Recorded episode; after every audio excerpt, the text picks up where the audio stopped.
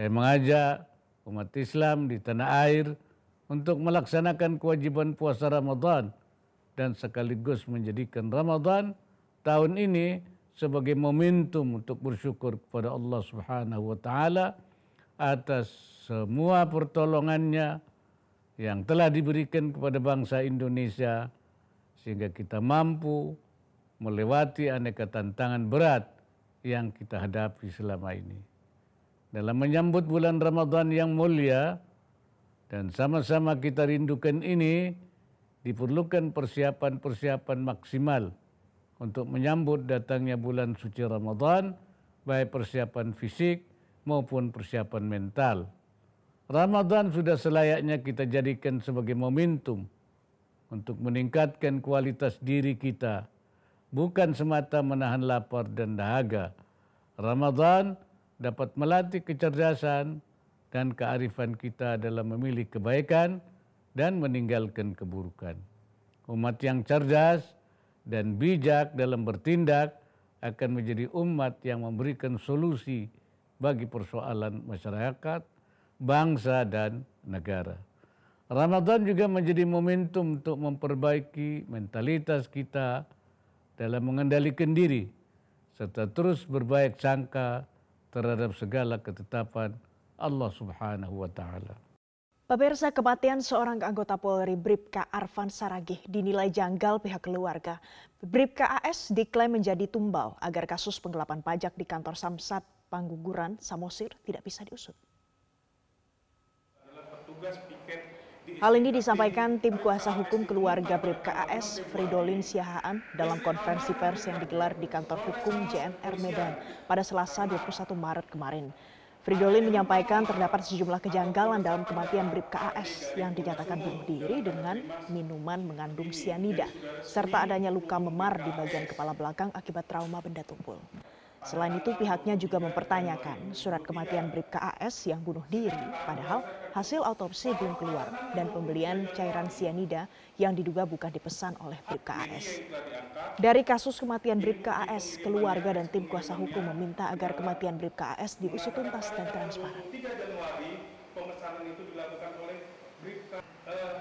Lagi ke Polres untuk mencari suami saya, tapi mereka mengatakan jam satu harapan kita ke depannya adalah kami minta khususnya Bapak Kapolri Jenderal Listio Sigit Prabowo mengusut tuntas terhadap kematian Bribka AS tersebut dan juga mengusut tuntas terhadap kasus penggelapan pajak di Samsat Panggururan.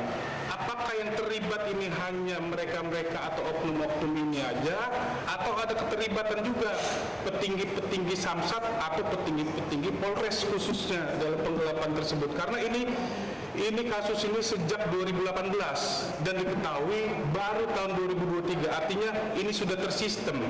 Selama lima tahun penggelapan pajak ini sudah tersistem. Apakah pihak-pihak atasan yang lainnya tidak mengetahui kalau tidak mengetahui berarti pihak atasan gagal mengontrol bawahannya Bawaslu memberi kesempatan kepada Partai Prima untuk menyampaikan perbaikan agar bisa menjadi partai politik peserta pemilu 2024. Menanggapi hal ini, KPU sebagai terlapor akan mempelajari lebih lanjut terkait putusan Bawaslu.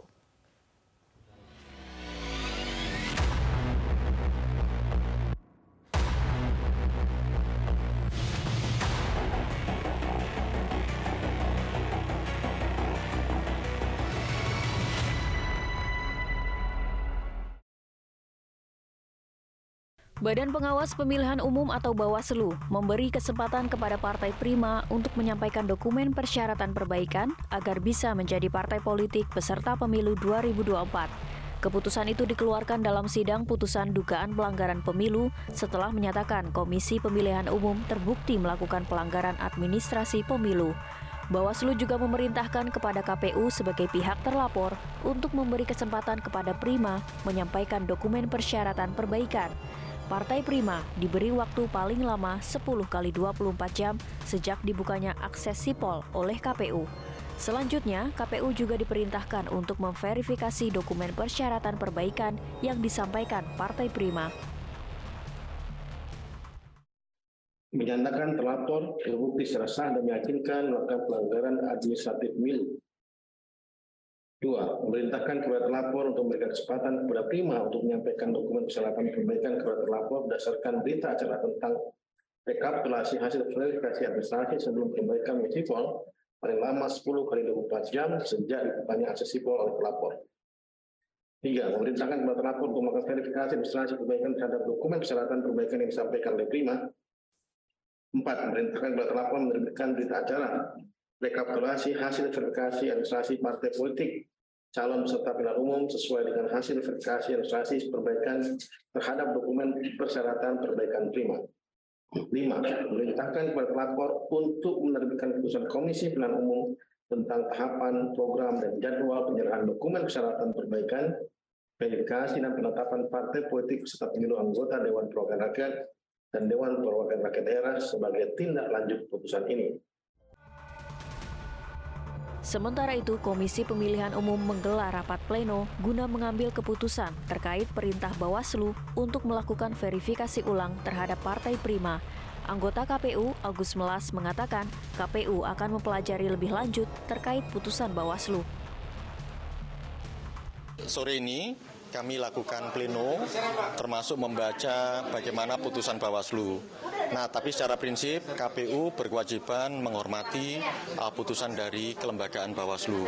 Karena di situ kan ada amar segala macam ya kami harus pelajari baik-baik.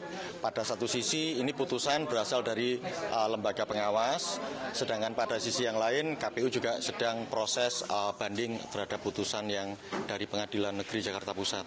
Nah, tapi saya kira uh, akan ada banyak hal yang bisa membuat kita lebih maju ke depan. Saya kira di situ.